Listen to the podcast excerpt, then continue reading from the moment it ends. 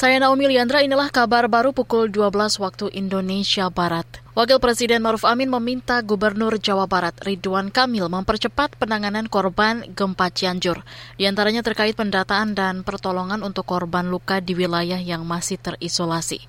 Hal itu disampaikan Maruf kepada Ridwan melalui panggilan video hari ini.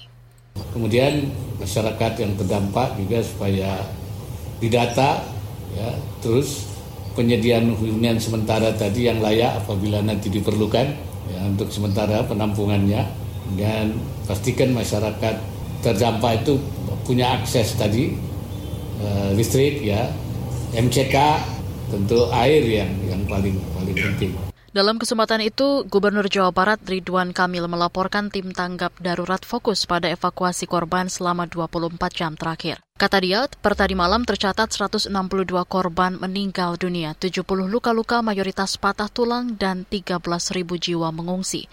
Jumlah pengungsi bakal bertambah karena ada wilayah terdampak yang masih terisolasi. Masih terkait gempa Cianjur.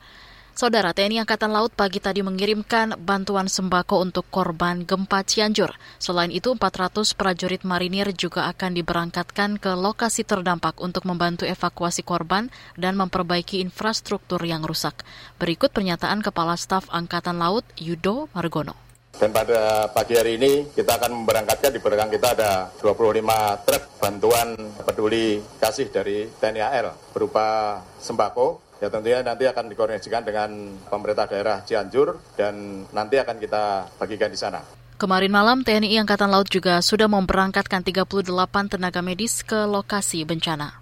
Bantuan untuk gempa Cianjur juga datang dari Basarnas Cilacap, Jawa Tengah. Sebanyak 15 personil diterjunkan membantu proses tanggap darurat dan evakuasi korban gempa. Menurut Komandan Basarnas Cilacap, Mariadi, tim dilengkapi fasilitas pendukung penyelamatan korban bencana. Kita dari Cilacap membawa untuk kendaraan, kita ada kompartemen, satu kendaraan truk personil, dua kendaraan rescue. Itu tadi Komandan Tim Basarnas Cilacap Mariadi. Demikian kabar baru KBR, saya Naomi Liandra.